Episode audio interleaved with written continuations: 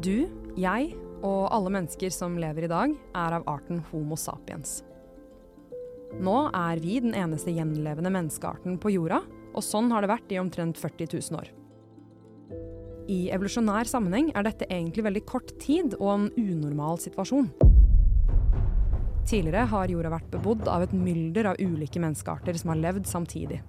Fra store og robuste til bitte små hobbitlignende folk, til menneskearter som har overlevd mange ganger lenger enn det vi, Homo sapiens, har til nå. I denne episoden er professor i evolusjonsbiologi og direktør for Vitenskapsmuseet Hans Stenøyen med meg for å fortelle historien om human evolusjon. Dette er en historie full av tilfeldigheter, nærutryddelser og også fullstendige utryddelser. Historien om oss er like mye historien om menneskeartene som ikke er her lenger. Noen av dem har blitt til oss, noen har vi levd side om side med, og noen har gener som vi bærer videre på i dag. Velkommen til livet, universet og alt. Hei og velkommen i studio, Hans. Tusen takk. Det er en ære å ha deg her for å snakke om human evolusjon. Du har jo satt opp en helt fantastisk utstilling om neandertalere. Som ikke bare var informativ, men også ganske rørende, syns jeg, på Vitenskapsmuseet. Vi er veldig fornøyd med den utstillinga. Takk skal du ha. Ja, nei, vær så god. Jeg anbefaler virkelig alle som hører på denne episoden her å dra og se. Og så håper jeg denne episoden her kan inspirere folk litt da, til, å, til å komme og se. For denne episoden her så skal vi ta for oss alle homininene som har levd fram til oss Homo sapiens. Det er ikke bare homoslekten, men det er mange flere arter av da oss som er på den siden av grenen av slektstreet der vi skilte lag med sjimpansene for ganske lenge siden. Det er jo litt vanskelig å vite hvor vi starter, men på ditt forslag Hans, så uh, skal vi starte med et velkjent smell for 65 millioner år siden. Hvor var vi da det smalt og begynte å gå litt dårlig for dinosaurene. Ja, det begynte å gå veldig dårlig for dinosaurene, for det kom jo en stein fra himmelen på størrelse, altså større enn Mount Everest. 20 ganger raskere enn ei geværkule kom den steinen gjennom himmelen og traff jorda med et smell, som vi alle vet, og det var antagelig nok til å utrydde dinosaurene som hadde vært på jorda i 200 millioner år. Samtidig med at det var noen helt vanvittige vulkaner i India i mange, mange hundre tusen år. Og det bidro til klimaendring og generelt veldig, veldig trasige forhold. Og tre fjerdedeler av alt liv på jorda ble utrydda på den tida der. Nære på? Nære på, kan man trygt si. Så krøp det da altså en liten krabat ut fra et hull, og det var opphavet til det som ble vår del av pattedyrtreet og, og liten og unnselig, litt sånn ekornaktig vesen, som da etter hvert utvikla seg til, til, det som ble, som, det, som ble oss. Ja, som ble primatene, ja. apene. Nettopp. Man blir litt ydmyk av å tenke på at vårt opphav faktisk bare er en liten krabat. Men det kan jo være at det å være en liten krabat var veldig gunstig akkurat da ting var så stusslig på jorda da. Når det var så stusslig som det var da, så var det nok en stor fordel å være en liten krabat. Men vi er ikke lenger en liten krabat, og det har blitt veldig mange arter ut fra denne lille krabaten. Vi er eh, jo veldig mange primater. Vi har sjimpanser, nesaper, lemurer, eh, lorier og masse andre raringer som alle stammer kommer fra dette lille dyret. Men vi homininene vi har skilt lag fra resten av denne gjengen. Og skilte lag med sjimpansene når? Cirka? Sånn cirka for seks millioner år sia. Da skilte vi lag med den greina som ble til sjimpansene, som er våre nærmeste slektninger på jorda i dag. Ja. Vi skal straks gyve løs på homininene og de første artene som oppsto innenfor vår gren etter at vi skilte lag med sjimpansene. Eh, men før det så tror jeg at vi skal prøve å definere hva vi egentlig mener når vi nå etter hvert begynner å snakke om menneskelige trekk. Hva tenker vi på som menneskelige trekk i den sammenhengen her? Menneskelige trekk det er jo først og fremst det å kunne gå på to bein. Og ha, ha store hjerner og, og, den type ting. Eh, men det, det, er flere ting som, som, som, definerer oss, og som gjør oss forskjellige fra, fra resten av, av, denne delen av livets tre. Men for å ta det først, da, når, du, når du går på to bein, da får du frigjort hender til annen type aktivitet. Da kan du utvikle evner til å bruke verktøy og sånne ting. Eh, vi skiller oss ut fra resten med at vi ikke går rundt med sånne Dracula-tenner, digre hjørnetenner. De har blitt mye mindre, de finnes ikke lenger. Um, det er sånne ting som at vi har veldig mange svettekjertler fordelt rundt omkring. Stor tetthet av svettekjertler. Mer enn de andre primatene? Mer enn de andre, mer enn de fleste andre dyr. Som gjør at vi har en veldig effektiv måte å avkjøle oss på, som igjen gjør oss i stand til å bevege oss hurtig over lange avstander. Og er det noen ting som karakteriserer menneskearter, så er det nettopp evnen til migrasjon og bevegelse over lange avstander på kort tid. Vi klarer å konkurrere med de aller fleste andre arter. Vi kommer oss lenger enn det en hest gjør innenfor en, en, tidsperiode, fordi at vi er så utholdende. Og det er takket være disse fantastiske svettekjertlene våre? Fantastiske svettekjertlene. For man tenker på neste gang man eh, er litt svett? Ja, nettopp. Og En annen ting er jo våre fabelaktige store hjerner, som skiller oss fra det meste annet, alt annet faktisk.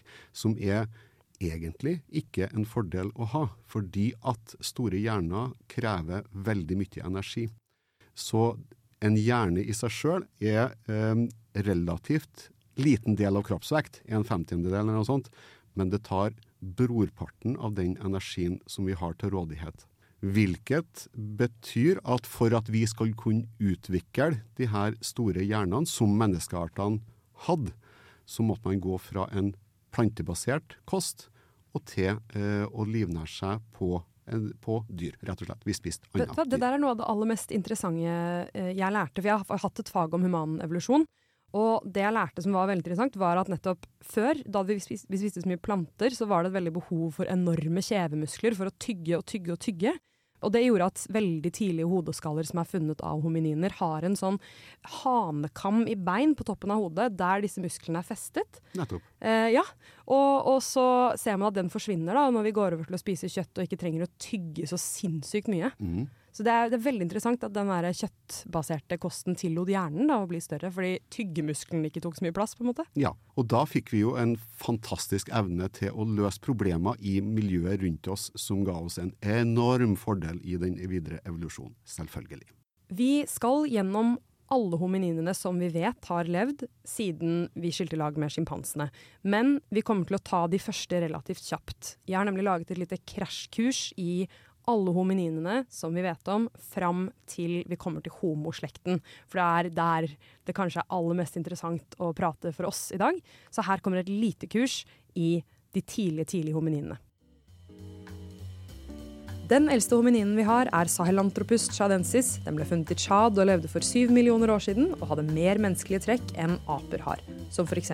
mindre hjørnetenner. Det er kun funnet en hodeskalle av denne arten, og derfor så krangler man fremdeles om den gikk oppreist eller ikke. Men for seks millioner år siden levde ororin tugenensis, og her har man funnet bein som indikerer oppreist gange. Det samme gjelder Ardipithecus ramidus, som levde for 4,4 millioner år siden, som ser ut til å ha gått på to ben, men også vært en veldig kapabel klatrer pga. tommellignende motstilte store tær som er gode til å gripe rundt greiner. Så kommer vi til Australopithecus-slekten. Australopithecus betyr sørlig ape, og artene som inngår her, er Australopithecus anamensis, afarensis, africanus og gari. De har tegn til gode klatreevner, men også oppreist gange og større hjerner enn de foregående artene. To av de aller mest kjente funnene vi har av tidlige homininer, er av arten Australopithecus afarensis, nemlig Lucy, som ofte også kalles for the missing link, altså linken mellom aper og mennesker. Du har også kanskje sett fotavtrykk i vulkansk aske av en voksen og et lite barn som er funnet i Laetoli, Tanzania. Disse er også Australopithecus afarensis. Så kommer et skikkelig wildcard, nemlig Kenyanthropus platyops, som levde for 3,5 millioner år siden. Den hadde et flatt ansikt og små tenner, og trekk som ikke ligner på noe av det de andre artene jeg har snakket om, hadde. Deretter kommer en slekt som heter Paranthropus, og det betyr nær menneske.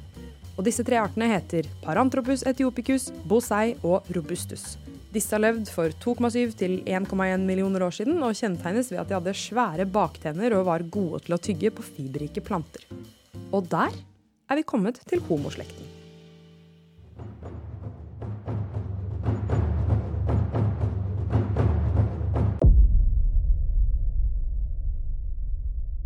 Når dukker det første individet av homoslekten opp? Det aller første individet dukker antageligvis opp for 2,8 millioner år siden, eller noe sånt som i den duren, med Homo habilis. Det nevenyttige mennesket. Som er da altså det første arten som vi vet om som brukte redskap og verktøy på en, på en, si, en aktiv måte. Utvikla seg fra australopithecus, men med en større hjerne, og altså da med mer handyman-egenskaper enn det man hadde sett tidligere. Hadde vi sett en homo habilis gå på gata, ville vi tenkt at det var et menneske, eller ville vi tenkt at der går det en ape? Der, da hadde vi tenkt der er det en ape som mm. ser litt rar ut, hadde vi tenkt da. Og vi skal komme oss til de mer menneskelignende artene. Men jeg vil gjerne nevne at etter Homo habilis så dukker det opp en haug med andre arter. Blant annet så har vi den, de som heter Homo rudolfensis, ergaster naledi og fler. Eh, og de her er jo da like forskjellige fra hverandre som det vi er fra f.eks. neandertalerne. Mm -hmm. I større eller mindre grad, i hvert fall i samme størrelsesorden. Riktig. Så vi skal ikke snakke om Rudolf Ensis, Ergaster Naledi eller resten av gjengen, men vi vil gjerne nevne at her er det snakk om skikkelig, en skikkelig bukett av ulike arter da, som har levd. Men jeg vil helst komme ganske kjapt til Homo erectus. Vi er kommet til Homo rectus, og hva er det som er spesielt med dem? Rectus er spesiell fordi at for det første så ser det jo mye mer ut som et menneske, det, altså det oppreiste mennesket, ikke sant. Men det var det første mennesket som tok i bruk verktøy på en mer avansert måte. Så de var mer avansert av seg enn det habilis var. Ja, så Hvis jeg så en Homo erectus-dude på gata, ville jeg tenkt der går det et menneske? Da, da ville du ha tenkt at oi, en, en rar menneskeape. ville du ha tenkt. Nei, du ville ha tenkt, altså det ligner mye mer på et menneske. tror jeg. Der har vi en litt ja. uh, hårete fyr med rar holdning. Ja, nettopp. Det ville du ha sagt. ja. Så nei, så erectus de har kjennetegn som ligner mye mer på de artene som kom senere, inklusive sapiens. Erectus var den første av menneskeartene som bevega seg ut av Afrika og fikk en tilnærma global utbredelse. Og Det er jo òg et sånt kjennetegn for menneskearter som kommer senere, ikke minst Homo sapiens, mm. som jo finnes på hver bidige flekk over hele verden. Sånn var det òg delvis for mange av de tidlige artene, inklusive Homo erectus, som emigrerte ut av Afrika for noe sånn som 1,3 millioner år siden. Det er kjempelenge siden. Ja, det er kjempelenge siden. Og de var da åpenbart en tilpasningsdyktig og fleksibel art, i og med at de klarte å overleve så, under så mange miljøforhold som det de klarte, utover i Asia og, og delvis opp mot Europa osv. Ja, så de har klart seg både i varme og kulde og langt og nært unna vann? De har det, fordi at de f.eks. klarte å, å bruke ild. Og når du, har, når, du, når du, kontrollerer ild og er i stand til å lage varme, så er du da Det er en voldsom tilpasning, selvfølgelig, til miljøet på mange måter. Og fordi at man er i stand til å varme opp mat.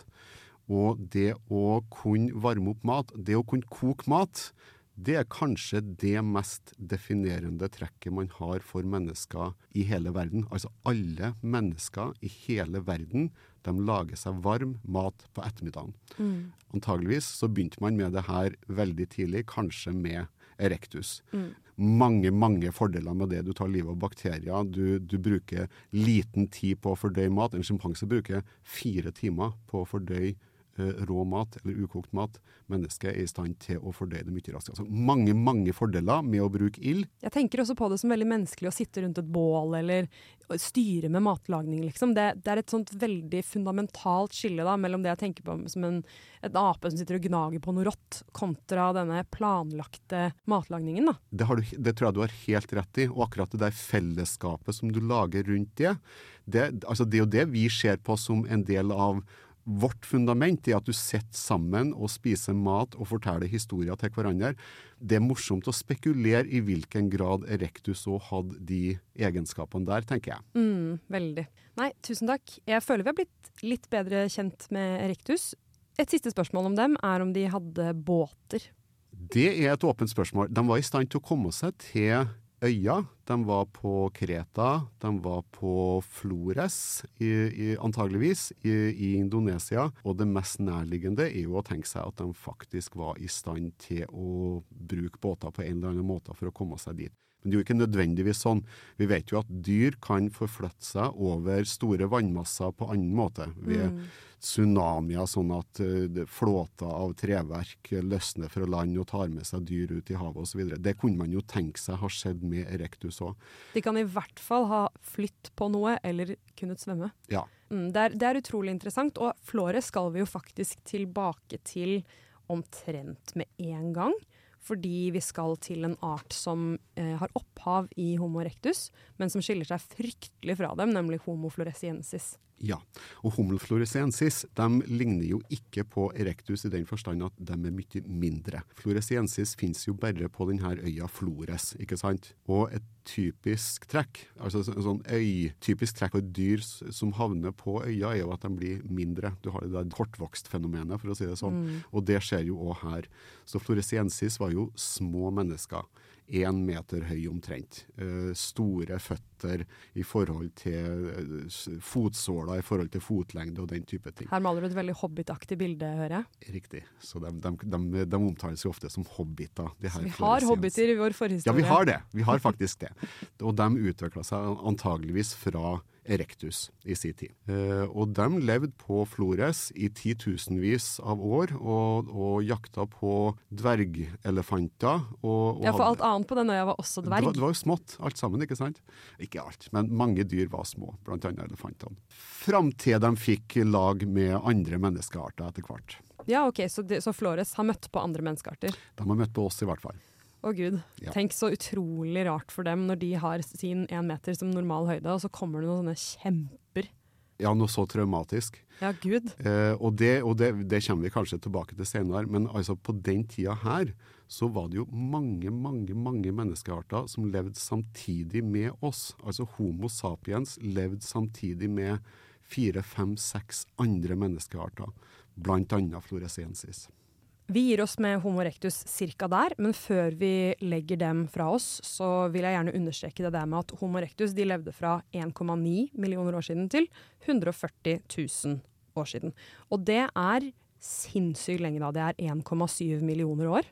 Eh, og vi, Homo sapiens, vi har kun levd i 300 000 år. Så hvis man gjør litt matte, så viser det seg at Homo erectus har levd minst seks ganger så lenge som hele Homo sapiens sin eksistens. Og det er noe jeg tenker på når jeg syns at sapiens kanskje er litt høye på pæra.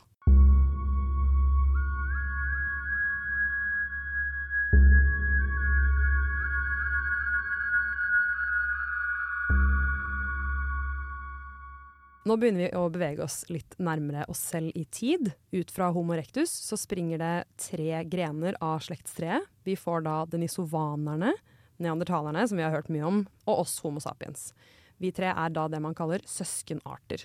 Og jeg lurer på om vi kan begynne med neandertalerne, som lytterne antagelig kjenner best. Det er jo utrolig mye å si om neandertalerne, og det er jo kanskje også eh, den andre menneskearten som vi har hørt absolutt mest om, unntatt oss selv. Men jeg lurer på om du har lyst til å begynne med å snakke litt om hvor de oppstår, når de oppstår, og hva vi vet om sånn, hvordan de har sett ut. Neandertalerne er kanskje de første europeerne. Det er grunn til å tro at de oppsto i Europa, eller nær Europa, og at de utvikla seg der. Og hovedutbredelsen deres var nok i Europa. Um, de skilte lag med, med, den greina som ble til sapiens for, for 500 600 000 år siden. Og man har funn av neandertalere i Europa som i hvert fall er 400 000 år gammel pluss. Ja, og for å foregripe Vi skal jo til sapiens, men sapiens kom jo hit for var det 60 000-70 000 år siden? 60 000-70 000 år siden, eller noe der omkring. I hvert fall siste gang vi siste var her. Gangen, da. Ja. Mm. Det kan vi snakke om litt senere. Ja, det kan vi snakke om senere. Eh, så det betyr jo at neandertalerne har vært utrolig lenge i Europa. De har vært her i mange hundre tusen år. Eh, og var antageligvis den dominerende menneskearten i store deler av Europa. Og eh, de så litt annerledes ut enn en andre menneskearter. De var ganske stor og kraftig. Litt sånn eh, skal vi si pluggaktig. Ja, pluggete tror jeg er greit. Pluggete, ja, nettopp. Sånn uh, litt, litt, små lemmer i forhold til kroppsstørrelse og, og litt store nesebor og, og, og, sånne type ting. Du mener litt, en litt solid torso, liksom? En litt solid torso, ja, kan mm. du si. Som, som alle sammen var tilpasninger til å bo i et kaldere og mer nordlig klima. De var veldig godt tilpassa et kaldt klima. De brukte selvfølgelig ild, eh, som, eh, som, Erectus og kanskje andre menneskearter har brukt før dem. og Dermed så var de i stand til å komme ganske langt nord Eh, vi har jo trodd at de var helt oppe i Danmark. Det er vi ikke helt sikre på, om de kom så langt nord. Men det, det skal ikke forundre oss om de òg kom så langt nord, faktisk. Ja, Og i løpet av de sånn 300 400 000 årene så har det jo vært eh, tidvis ganske kaldt i Europa, har det ikke det? Meget kaldt. Det har vært istider. Flere meget kalde perioder som neandertalerne overlevde tilsynelatende uten store problemer, helt til du kom til den siste. Da var det stopp. Den stoppen skal vi jo høre veldig mye om, for det er jo dødsspennende. Men vi tenker jo gjerne på neandertalerne som litt sånn primitive. De har jo blitt veldig karikert, på en måte. Brukes for å beskrive på en måte idioter. Eller de er på en måte bilder på en huleboer. En dum person som kanskje bare grynter og går rundt med klubbe. Og jeg lurer på, uh, vil du si at det stemmer? Nei, det stemmer ikke. Uh, det stemmer overhodet ikke. Her, her var uh, mennesker med en relativt avansert kultur med en relativt avansert samfunnsstruktur, antageligvis. Vi vet at de var i stand til å ikke bare å nedlegge veldig store byttedyr, som i seg sjøl krever meget god organisering av jaktlag. Og dermed må du ha et ganske avansert språk for å klare å kommunisere og organisere. Dette var grupper som vi har trodd at det kanskje ikke var så mange mennesker i hver neandertalergruppe, men når vi nå vet at de var i stand til å legge ned så store byttedyr, og, og dermed da få tilgang på så mye mat, så som da Altså det er én av to. Enten så er du i stand til å preservere det kjøttet over lang tid, eller så er det ganske mange mennesker som skal spise den der skogelefanten eller den der hjorten, eller hva det er for noe. Ja, Der snakker du om et ganske nylig funn som er gjort av en gigantisk elefant, er det sånn, som er spist av neandertalere? Ja, så det her det er en nylig publisert studie av, av et funn sånn 125 000-130 000 år siden med en art som i dag er utdødd, skogelefant, som var meget vanlig eh, tidligere i Europa. Eh, men det var altså da et digert dyr som neandertalerne var i stand til å nedlegge. Når du klarte å nedlegge et så stort dyr, da hadde du masse, masse mat. Du hadde kjøtt, og du hadde eh, ressurser som var nok til å livnære enten ei veldig stor gruppe av mennesker. Alternativet, hvis, var, hvis gruppene var ganske små, da måtte de ha vært i stand til å konservere og preservere det der kjøttet over lengre tid, så at det ikke råtna. Ja, det er jo også ganske avansert, på en da, måte. Da, da, begynner det å bli ganske avansert. Ja. De elefantene her er jo da tre meter høye og seks-syv tonn tunge. Som vanlige elefanter, men det er ikke alle som vet hvor mye en elefant eh, veier. Så det er snakk om sinnssykt mye kjøtt, og det er jo rar ressursutnyttelse hvis du når du kan drepe en elg, så velger du å drepe en elefant. på en måte. Det må ha vært litt mer utfordrende. Utfordrende kan man godt si at det Det må ha vært livsfarlig. Altså hver bidige jakt må ha vært enormt farlig. Eh, men så, så de, de, visste hva de gjorde, tydeligvis. Mm.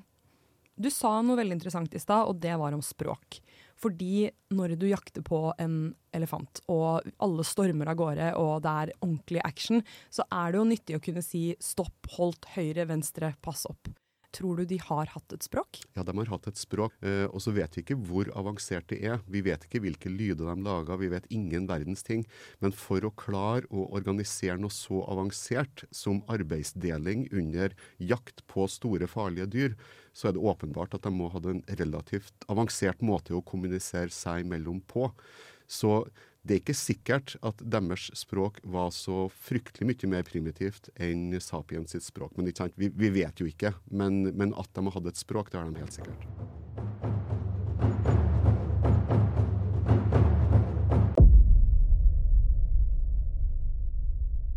Det er jo et gen som heter FOXP2, som er veldig viktig for språkutvikling. Hvordan er det hos neandertalerne? Neandertalerne har så å si det samme genet, eh, altså FOXP2-genet, som det mennesket har. De andre menneskeartene har, eh, har en del forskjeller, eh, men neandertalerne og sapiens har omtrent det samme. Som da indikerer at eh, det er ikke noe hinder for at de skulle hatt de samme genetiske forutsetningene som det sapiens har hatt for språkutvikling. Og så er det jo andre gener som er viktige for språkutvikling, men vi vet hos sapiens så er FOXP2 et sentralt gen. Mm, ja, her kan jeg faktisk skyte inn litt ting, fordi i researchen min så kom jeg over noe helt sånn utrolig interessant informasjon. Som var dette med at FOXP2 er jo sånn at de som er født med en feil i Fox P2, eller de som på en eller annen måte ikke har det eller hvor det er ødelagt, de kan ikke snakke eh, i mennesker. Og så har det vist seg at Fox P2-genet har en veldig aktiv variant i fugler som kan ape etter stemmer og mennesker og språk. Eh, som jo er utrolig rart. Og så har det vist seg da at hvis du fjerner Fox P2-genet hos mus, så kan ikke de lenger pipe. Men nå gjøres det da forskning på mus hvor du putter menneskeversjonen av FOXB2 inn i deres genom, og så se på hvordan det påvirker dem. Og den forskningen den sjekket jeg faktisk ut i går, og det viser seg at musene piper med på en måte flere fasetter og kan uttrykke på en måte flere ting da, når de har den menneskelige varianten av FOXB2. Så det er jo helt sånn utrolig spennende. Og en veldig sånn direkte manifestasjon av endringer i et gen. da. Ja, det er veldig veldig stilig. Mm. Men som sagt, neandertalerne de hadde omtrent vår variant, og de var nok Jeg vil tro de var ganske gode på språk. Da lar vi neandertalerne få ligge i fortiden en stund. Vi skal tilbake igjen til deres utryddelse og sånn. Men vi skal snakke om deres ganske oversette søskenart, nemlig denisovanerne. Og hvorfor hører vi så lite om denisovanerne? Vi hører ikke så mye om dem, for vi vet ikke så veldig mye om dem. Det er ikke så innmari mange år siden de ble oppdaga, så å si. Og vi har ikke så veldig mange funn av denisovanere. Og de funnene vi har, det er, det er veldig smått. Det, det, er små fingerbein, og det er noen tenner, og, og, det er en liten kjeve kanskje som er funnet i Asia. Men det er, det er veldig smått, og det er, eh, det er ikke så mye å bygge kunnskap på, i motsetning til neandertalerne. Det som vi derimot har lært om dem, og vi har lært ganske mye, men det, er, det har vi lært av genene deres og av mm. genomet deres. Ja, for vi har sekvensert genomet deres? Hele genomet er sekvensert, så vi, vi, vi vet ganske mye. Bl.a. at det er en art som er 300 000 år gammel, eller noe, noe sånt. Det var da de skilte lag med neandertalerne. Eh, vi vet fra funnene som er gjort, at de må ha hatt en ganske vid utbredelse. Og vi vet at de formerte seg med de nærstående artene, eh, både neandertalerne og Sapiens etter hvert. Det er dødsspennende, så vi skal vie en solid porsjon av denne episoden til det. Men først så har jeg spørsmål. Du sier de hadde vid utbredelse. Eh, hvor var de? De var i Asia, store deler av Asia. Kanskje spesielt i mer sørøstlige deler av Asia, oppover mot nord. Hvor langt vest de kom seg, det er ikke så godt å si. Eh, vi får nå se i framtida, når vi får flere spennende funn av denisovanere. Men at de hadde en ganske vid utbredelse i Asia, det, det synes ganske klart. Mm. Vi har jo allerede nevnt dette med at det å være utbredt over et stort område, det tyder jo da på en tilpasningsdyktighet, som igjen tyder på en, at de har vært ganske avanserte. Men vet vi egentlig noen ting om hvor avanserte denisovanerne har vært? Nei, vi vet ikke det. Vi, vi, har ingen funn av verktøy, vi har ingen indikasjoner på hvilken kultur de hadde osv. Men i og med at, som du sier, i og med at de hadde antageligvis en ganske vid utbredelse og var i stand til å tilpasse seg ulike typer miljø. Det er i utgangspunktet ingen grunn til å tro at de var noe mindre avansert enn søsterarten neandertalerne. Og nå slenger vi jo begrepet søsterart eller søskenart um, rundt omkring. Men hva er egentlig slektsforholdet nå mellom neandertalerne, denisovanerne og oss sapiens? Så eh, denisovanere og neandertalere de, var, de er nære slektninger. De skilte lag for eh, noen få hundre tusen år siden, kanskje 300 000 år siden. Og så er de da på en, sånn, en felles gren som skilte lag med vår gren, sapiens sin gren, for 500 600 000 år siden. Mm. Så de er tettere sammen? Nettopp. De er, de er nærmere beslekta enn de er med oss. Mm. Før vi gir slipp på denisovanerne, så er det ett funn som vi må snakke om, som er helt sinnssykt spennende, og det er funnet av Denny. Kan du fortelle litt om det? Denny var ei 13 år gammel jente som levde i denne Denisova-hula for 90 000 år siden. Og det er, det, er ikke, det er, ikke, store bitene vi har funnet av henne, men det, det, er en liten del av et ribben.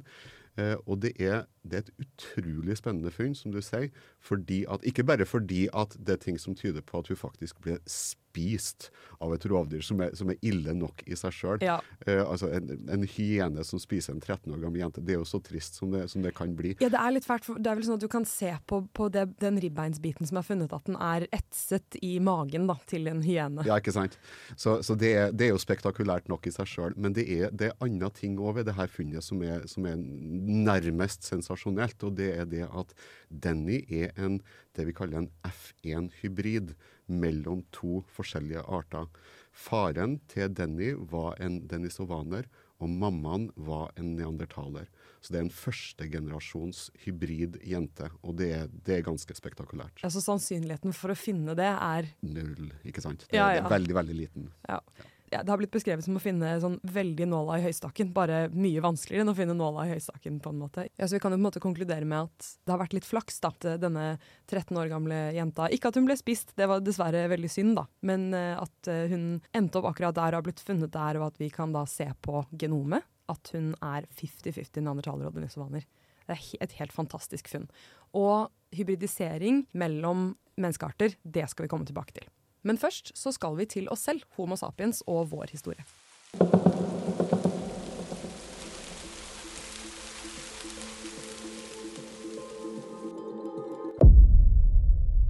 Det er jo sånn at utviklingen av livet er fullt av tilfeldigheter. Og på et tidspunkt så var det ikke sånn at det var gitt at det var vi som kom til å bli den dominerende arten. Og jeg lurer på om du har lyst til å ta oss tilbake til den tiden og fortelle hvordan ting sto til for sånn ca. 900 000 år siden?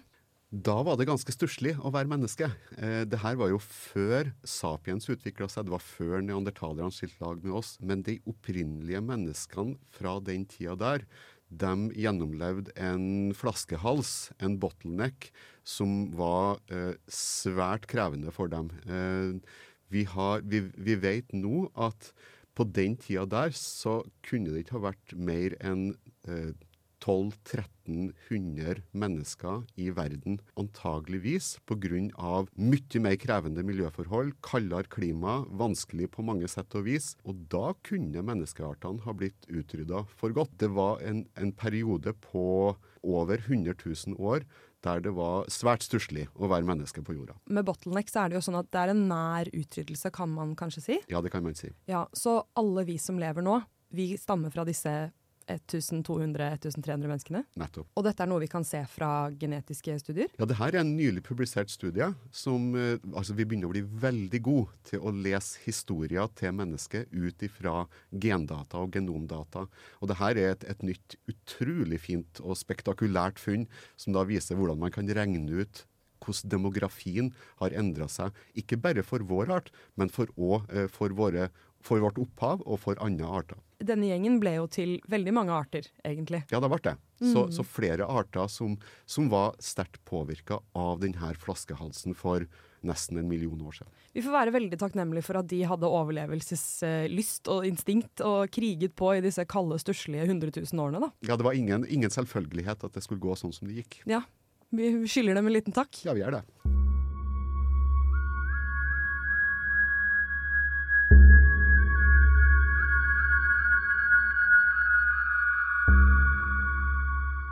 Vi kommer jo da til oss selv, og vi sier alltid 'Sapiens vandret ut av Afrika'. Har vi vandret ut av Afrika én eller flere ganger? Det har skjedd flere ganger. Eh, vi som lever i dag, vi er resultatet, kan man si da, eh, av én emigrasjon ut av Afrika. En opprinnelig eh, emigrasjon ut og kolonisering for, for kanskje 60 70 80 000 år siden. Men vi vet òg at sapiens utvandra fra Afrika før der. Eh, kanskje for 150 160 170 000 år siden. Da var det en gruppe av sapiens som eh, klarte å komme seg fra eh, Afrika over i Midtøsten, over til det som i dag er Saudi-Arabia. Og de spredde seg nordover, helt opp til Israel. Og etter hvert så døde denne gruppa ut. Vi vet ikke hvor vidt utbredt de var. Vi vet ikke hvor langt de kom seg. Kom de seg opp til Europa? Kom de seg utover i Asia? Vi vet ikke. Vi ser ingen rester av skal vi si, genmaterialet deres i dag, i dagens, eh, i dagens mennesker. Men vi vet at de levde utafor Afrika i mange 10 000 år, kanskje 70 000 år. Altså kanskje lengre enn det vår gren av sapiens har levd utafor Afrika. Og de døde ut. Og de døde ut. Det gikk heller ikke bra. Men eh, i hvert fall den andre gangen man prøvde seg, så, så gikk det jo langt, langt bedre for vår art.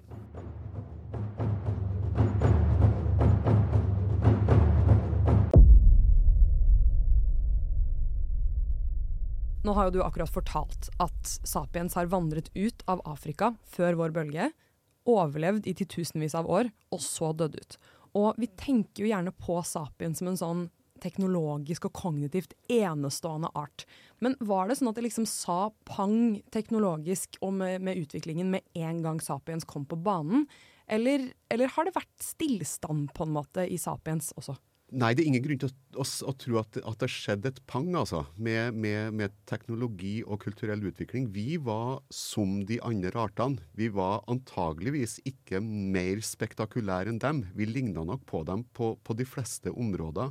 Så det at vi etter hvert utvikla denne evnen til eh, med raskere kulturell og teknologisk endring, det kom relativt sent. På det tidspunktet vi utvandra fra Afrika, så var vi en art på linje med andre menneskearter. Mm, og det var da 60 000-70 000 år siden.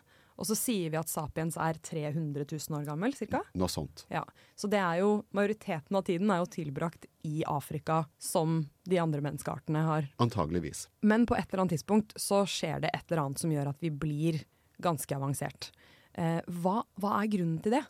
Ja, på et eller annet tidspunkt eller i en eller annen periode så begynner vår kulturelle og teknologiske utvikling å gå raskere enn det du har sett hos de andre menneskeartene. De må ha hatt en relativt avansert teknologi. De må ha hatt en relativt avansert kultur.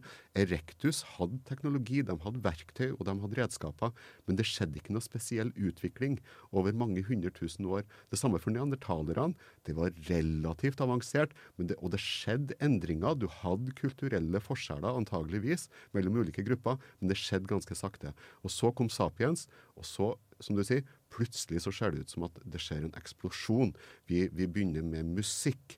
Vi begynner med hulemaleri. Altså det er, det er en sånn en, en, voldsomt utvikling, og mye raskere enn tidligere. Da er jo tusenkronersspørsmålet som du stiller, hva er årsaken til det? Hva er det som ligger til grunn til det? Og en, en forklaring ville jo ha vært at plutselig så skjer det store genetiske endringer hos sapiens som gjør at vi får helt andre egenskaper. Det er antageligvis ikke det som har skjedd. Vi klarer ikke å finne noen vesentlige genetiske forskjeller på de sapiens som levde for 100 000 år siden, og de sapiens som levde i dag. Så det er, noe, det er noe annet som må ha skjedd. Ja, der sa du noe interessant. Jeg fikk faktisk en oppgave av min mor. Som var å spørre om hvis jeg får eh, et barn, et sapiensbarn som er 100 000 år gammelt, eller har genomet til en som levde for 100 000 år siden, og så oppdrar jeg det barnet, og det går gjennom skolen, er det barnet bedre eller dårligere enn meg i Excel? I Excel? Ja.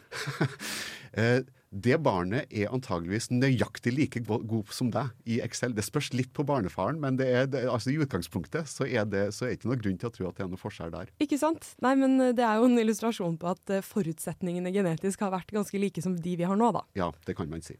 Når skjer denne eksplosjonen eller revolusjonen? Altså det, er, det er noen ting man har, har, diskutert i veldig lang tid. Altså Er det for 40 000 år siden, når vi begynner, er det for 50 000 år siden? Eller har det skjedd mer gradvis over lengre tid? Eh, det er ikke så godt å si. Jeg tror at det er, det, hold, det er grunn til å tro at dette her må ha skjedd gradvis over kanskje lengre tid enn det vi har trodd fram til i dag. Så vi kan konkludere med at det er ingen store genetiske endringer som kan føre til denne denne akselerasjonen av teknologisk utvikling. Så eh, hvis det ikke er genetikk, hva er det da? Da har du egentlig bare én mulighet igjen. Da må det være at vi har blitt mye flinkere på å lære ting, utvikle ting, overføre ideer, kommunisere. Altså Det er noen ting med gruppedynamikken til sapiens som må ha endra seg. Og da, altså et, et stikkord her er gruppene som vi levde i, og gruppedynamikken. Det er ikke bare det at du får en god idé. Det er noe med at den ideen må bli bevart, den må bli utvikla, den må bli overført til andre generasjoner.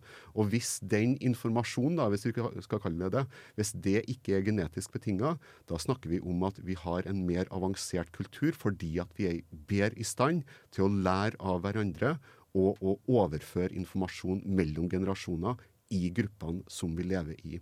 Så spørsmålet er egentlig hva er det som gjør oss i stand til å ha en annen type gruppedynamikk for mennesker som lever sammen, enn det som det ser ut uh, å ha vært for andre arter? Og Da er jo spørsmålet om det er en tilfeldig ting, eller om det er en sånn betinget ting da, som, som måtte skje, eller som ligger latent hos oss. Og det vet man kanskje ikke? Nei, det vet man ikke. Eh, men så er det jo det, det, som er morsomt med menneskehistorie. Man kan spekulere, da. Og én ting man kan spekulere i, det er hva var det som skjedde for 70 000-80 000 år siden?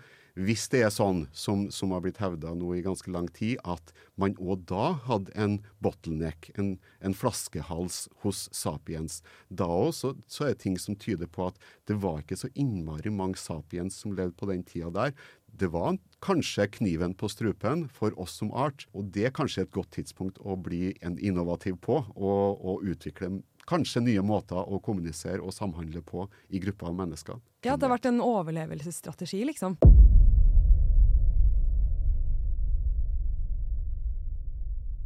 Så vi har snakket litt om denne flaskehalsen som skjedde for 70 000 år siden. Men det er jo en annen flaskehals som også har spilt en veldig veldig stor rolle i vår genetiske variasjon og hvordan sapien ser ut i dag. Hva er det? Ja, Kanskje en enda større betydning. Og, og det er jo den flaskehalsen som oppstod når en relativt begrensa gruppe av sapiens utvandra fra Afrika for da for 70 000-80 000 år siden, eller hva det var, eh, for å som resulterte i at vi koloniserte resten, resten, av verden. Det i seg sjøl var en flaskehals og en reduksjon i genetisk variasjon som har, eh, som har gjort at vi i dag har liten genetisk variasjon, spesielt utafor Afrika, eh, sammenligna med hva vi skulle ha forventa.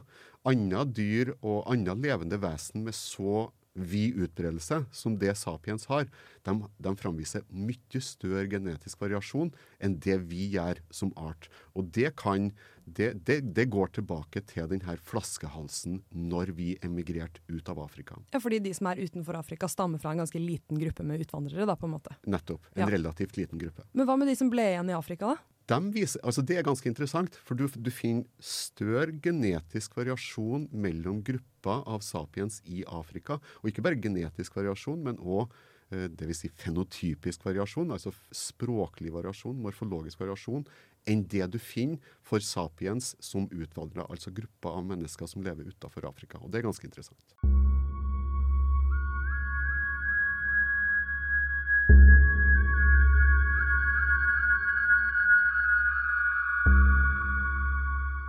Nå har vi jo snakket om mange menneskearter, eh, og vi har snakket om dem ganske sånn isolert. Men det er vel egentlig ikke sånn at hver menneskeart bare har levd for seg. Det er vel relativt sannsynlig at vi har møtt på hverandre. Og jeg lurer på, når tror du det har levd flest menneskearter samtidig? Vi har helt sikkert møtt på hverandre. Garantert. Mange steder på jorda så har man møtt på hverandre. Akkurat når det har vært flest menneskearter samtidig, ikke godt å si. Men i, i størstedelen av sapiens sin historie så har det vært flere, det har vært mange menneskearter som har levd samtidig med oss. Det er det som på en måte har vært normaltilstand fram til for ganske kort tid siden. F.eks. for, for 150 000-200 000 år siden.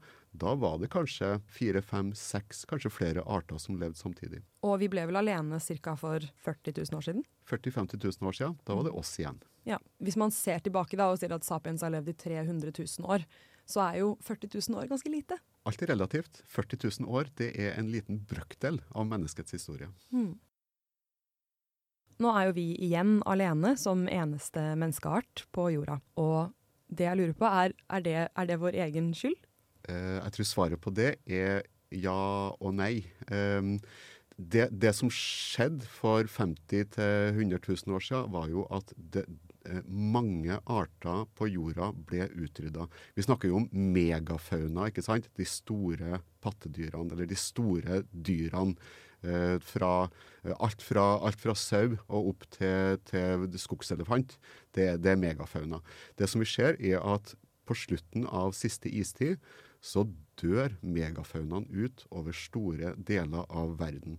Så i Asia, i Nord-Amerika, i Sør-Amerika, delvis i Europa, men i mindre grad, så skjer det en voldsom utryddelse av store dyr omtrent samtidig. Altså brorparten av de store dyrene de blir utrydda. Over hele verden samtidig? Omtrent over hele verden, og det er ubehagelig korrelert med koloniseringa av ulike deler av verden av sapiens. Eh, og så er det spørsmålet da, i hvilken grad skyldes denne uh, utryddelser uh, klimaendringer, og i hvilken grad skyldes det at det var sapiens som tok livet av, av de ulike dyrene. Det er nok, uh, svaret på det er nok det, det avhenger av, av vil, hvor i verden du er, og, og, det er nok begge deler. Men at sapiens har hatt, ting, hatt en finger med i spillet i forhold til utryddelse av megafauna, ulike deler av verden, det, det, er nok dessverre tilfellet. Og Så er spørsmålet var det sapiens som tok livet av de andre menneskeartene. Eh, det er ikke fullt så sikkert. Eh, det kan hende at vi slo i hjel neandertalerne når vi kom til Europa, men da burde vi i så fall kanskje ha funnet fossilfunn som indikerer det. Det er det ikke noe som, som tyder på. Det er kanskje mer sannsynlig at for det første, kanskje vi utkonkurrerte dem. Kanskje vi var smartere, i anførselstegn. Kanskje vi klarte å utnytte ressurser bedre. Men så var det jo òg det da, at for neandertalerne sin del så hadde de en del problemer sjøl. Ja, hvordan sto det til på slutten av deres levetid? Ja, Det sto ikke så bra til. Eh, de, var, de var meget innavla. De hadde de må ha hatt stor dødelighet. Det, de må ha vært veldig veldig trasig å være neandertalere på slutten. og Det er genetiske årsaker det, til det, eh, og ikke det at sapiens kom og slo dem i hjel. Mm. Så det er i hvert fall ikke 100% vår skyld. Nei, det tror ikke jeg. Jeg tror ikke vi skal ta skylda for alt. Nei. Det er jo nærliggende å tenke at vi var ganske brutale mot nye mennesker som vi møtte på, med tanke på litt nyere koloniseringshistorie. Sapiens imellom. Det kan, det kan du si, men på en annen side, det, det, det begrenser hvor brutal du kan være mot en menneskeart som er mye større enn oss og mye sterkere enn oss, og som kanskje ikke er så, så mindre smart enn oss. Ja, der nevner du noe viktig. Vi er jo veldig pinglete da, i forhold til dem. Ja, ikke sant. Ja. Så du kan si Flores-mennesket som vi har snakka litt om. Hobbiten. Hobbiten, ja, riktig. Utrydda vi dem? Ja, kanskje vi gjorde det, men det er ikke sikkert at vi gjorde det. Og, og i forhold til neandertalerne så tror jeg vi kan være mer sikre på at vi, vi nok ikke var så blodtørstige som man kanskje kan tro. Mm. Det er på en måte litt betryggende, da. Ja, lite grann. Mm. Så vi vet jo ikke fullstendig hva vår rolle i neandertalernes utrydning var, eller denisovanernes utrydning, for de er jo også vekk. Men noe vi vet ganske sikkert, er at vi har blandet oss. Eh, kan du fortelle litt om det? Ja, vi har blanda oss, det vet vi helt sikkert. Eh, nærstående menneskearter de overførte gener seg imellom. Og Det er ikke, det er ikke uvanlig. Det, det, det, er helt vanlig i, i dyre- og planteriket at nærstående arter de formerer seg, og de er i stand til å overføre genmateriale eh, mellom artene. Det som vi kaller for introgresjon. Eh, i, I hundefamilien så skjer det hele tida mellom kojoter og ulver og sjakaler osv. Det samme skjedde i menneskeartene. Eh, og Denny nevner du, det er ett eksempel. Eh, det var òg genoverføring mellom neandertalere og mennesker. Eh, fra denisova til menneske osv. Så, videre. så her har vært det må ha skjedd ganske ofte, og det, det, er, det, er, ikke uvanlig. Og det er noe vi kan se i genmaterialet? Det er noe vi kan se i genmaterialet.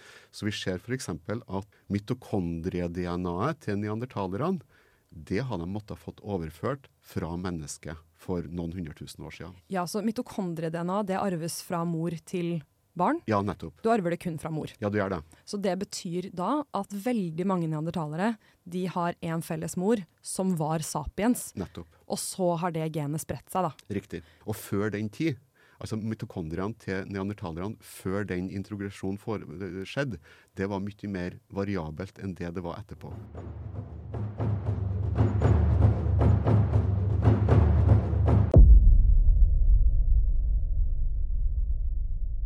Betyr det at mennesker som lever i dag, faktisk har gener fra neandertalere og denisovanere? Ja, vi har det. Så når sapiens utvandra fra Afrika og spredde seg rundt omkring eh, og møtte på de andre menneskeartene, så, så, så, har det skjedd formering, som sagt. Og vi fikk overført gener fra både denisova og fra neandertalere. Blant annet eh, i Tibet, mennesker som lever der, de har gjerne et eh, denisova-gen som, som, kalles EPAS1, og som gjør at uh, det blir produsert færre røde blodlegemer i, i, blodet. Og det er en stor fordel når du lever høyt til fjells, veldig langt over havet, der det er eh, lite oksygen. Når du har få blodlegemer, så er det mindre fare for blodpropp. Så det der var en tilpasning, antageligvis, eh, i Denisova som ble overført til mennesket. Andre tilpasninger som vi nøt godt av når vi, når vi spredde oss rundt omkring i verden, var Eh, når vi kom opp til Europa. Vi møtte neandertalerne. De var godt tilpassa et nordlig miljø. De var godt tilpassa eh, mikroorganismer der. Eh, og, og, dermed er det kanskje ikke så rart at vi tok imot eh, immunresponsgener fra neandertalerne, som, som da antageligvis medførte at vi ble eh, godt i stand til, bedre i stand til å takle miljøforholdene eh, dit vi kom til. Er det kun positive gener på en måte vi har fått av uh, våre slektninger, eller er det andre ting også? Antageligvis har vi fått uh, det, det, hele spekteret av positive og negative, og, og mange nøytrale. Og så har vel de fleste forsvunnet ut av genomet vårt uh, etter hvert. men det, fin det, finnes gener som vi har i dag òg, som i og for seg ikke er noe fordel for oss, men som kanskje var en fordel for neandertalerne. Eller de var en fordel for 100 000 år siden. Eh, sånne ting som at eh, neandertalerne hadde et gen som, som, eh, som, la til rette for at blod skulle koagulere raskere. Som er, som er en fin ting hvis du er ute og jakter på skogelefanter, og, dem, og, du, og du, blir skada og du får sår osv. Da er det fint at blodet koagulerer ganske fort. Men så har det òg den andre eh, resulterer òg i at du kan få problemer på andre måter. da. I hvert fall hvis du prøver å bli 100 år gammel, da, sånn som vi gjør i dag. Ja, ja ikke sant. Hvis du, hvis du, prøver å bli 100 år gammel, så, så, vil den type gener og den type egenskaper kanskje føre til at du får mer blodpropp og, og, og, hjerteproblemer, som, som ikke er direkte en fordel. Er det sånn at forskjellige folk bærer på forskjellige gener, altså litt sånn avhengig av hvor geografisk man har truffet på disse gruppene? Ja, det er det. Sånn at de av oss som ikke leve i Afrika. Eh, vi har gjerne et større innslag av neandertalergener enn eh, en sapiens som ble igjen i, i, Afrika, fordi at vi møtte på neandertalere. Mm. Um, i Asia så er det størst andel denisova-gener eh, i mer sørøstlige deler, der man kanskje skulle anta at sapiens i større grad eh, møtte på denisovanerne eh, opp gjennom historien. Ja, Så du og jeg, da, vi er to europeere, kan man kanskje si. Så er det ganske garantert at vi begge bærer på neandertalergener? Ja, det er ganske garantert. Type 100% Ja, type 100 OK. Det er jo egentlig litt kult, da. Ja, det er tøft. Man sier jo gjerne at vi er klin like sjimpansene, f.eks. Og også egentlig genetisk ganske like en agurk eller en banan. Men det jeg lurer på er, hvis vi ser på det variable DNA, det som endrer seg mellom oss, hvor mye av det er det som er neandertaler, f.eks. i deg eller meg? I deg og meg så vil det nok være noe sånn 2% 2% pluss kanskje. Men det, det, varierer jo i ulike deler av verden. Så vi har kanskje Kanskje vi ikke har nå denisova-gener i oss. Eh, hvis du er fra Papua Ny-Guinea, eller hvis du er fra mer sørøstlige deler av Asia, så vil du ha kanskje 4 eller 6 denisova i genomet ditt. Ganske heftig. Ja. Mm.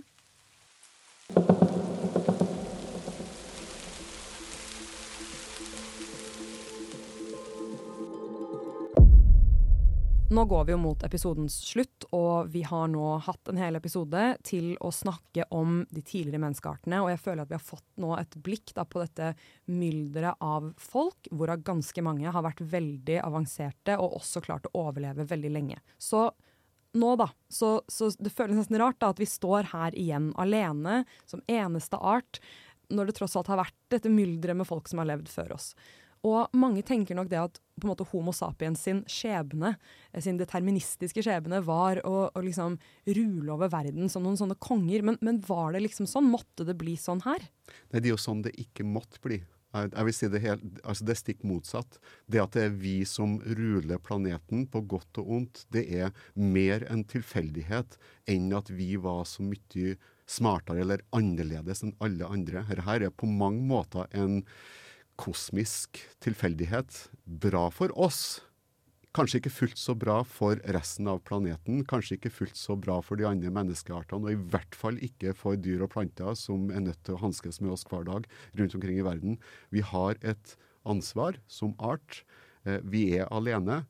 Og hvis man skal være litt positiv, vi bærer heldigvis på litt av historia til de andre menneskeartene med oss. Det er helt sant. Det er jo veldig synd at vi aldri kommer til å kunne se en denisovaner eller en neandertaler inn i øynene. Men jeg tenker også det at vi får prøve å tenke ja, vi har litt av dem med oss da fremdeles i vårt genom. Og med det så tror jeg egentlig at vi gir oss. Tusen, tusen takk for at du har tatt på deg den utfordringen det er å gå gjennom alle menneskeartene. Det var veldig artig. Takk ja, skal du ha. Det var kjempegøy å ha deg med. Og så vil jeg jo da si at for dere som har lyttet og kanskje blitt litt inspirert til å prøve å bli bedre kjent med i hvert fall neandertalerne, så virkelig anbefaler jeg å dra på utstillingen på Vitenskapsmuseet, for der er det ikke bare er det fantastiske objekter som er stilt ut, men det er også veldig veldig fine portretter av neandertalere, hvor de virkelig kan føle at de har litt sånn sjel, på en måte. Eh, så jeg anbefaler å dra og se på det. Og anbefaler alle å være litt stolte av de genene de har, som kanskje stammer fra neandertalere eller denisovanere. Og da tror jeg vi bare kan si tusen takk og ha det bra. Ha det bra. Du har lyttet til Livet, universet og alt. Hvis du har et tema du vil at vi skal snakke om, eller hvis du er ekspert og gjerne vil snakke om ditt tema, så kan du ta kontakt på Instagram Livet, universet og alt.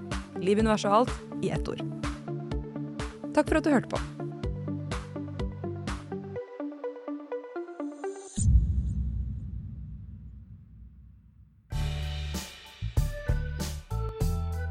Har lyttet til en podkast på Radio Revolt, studentradioen i Trondheim. Sjekk ut flere programmer på radiorevolt.no.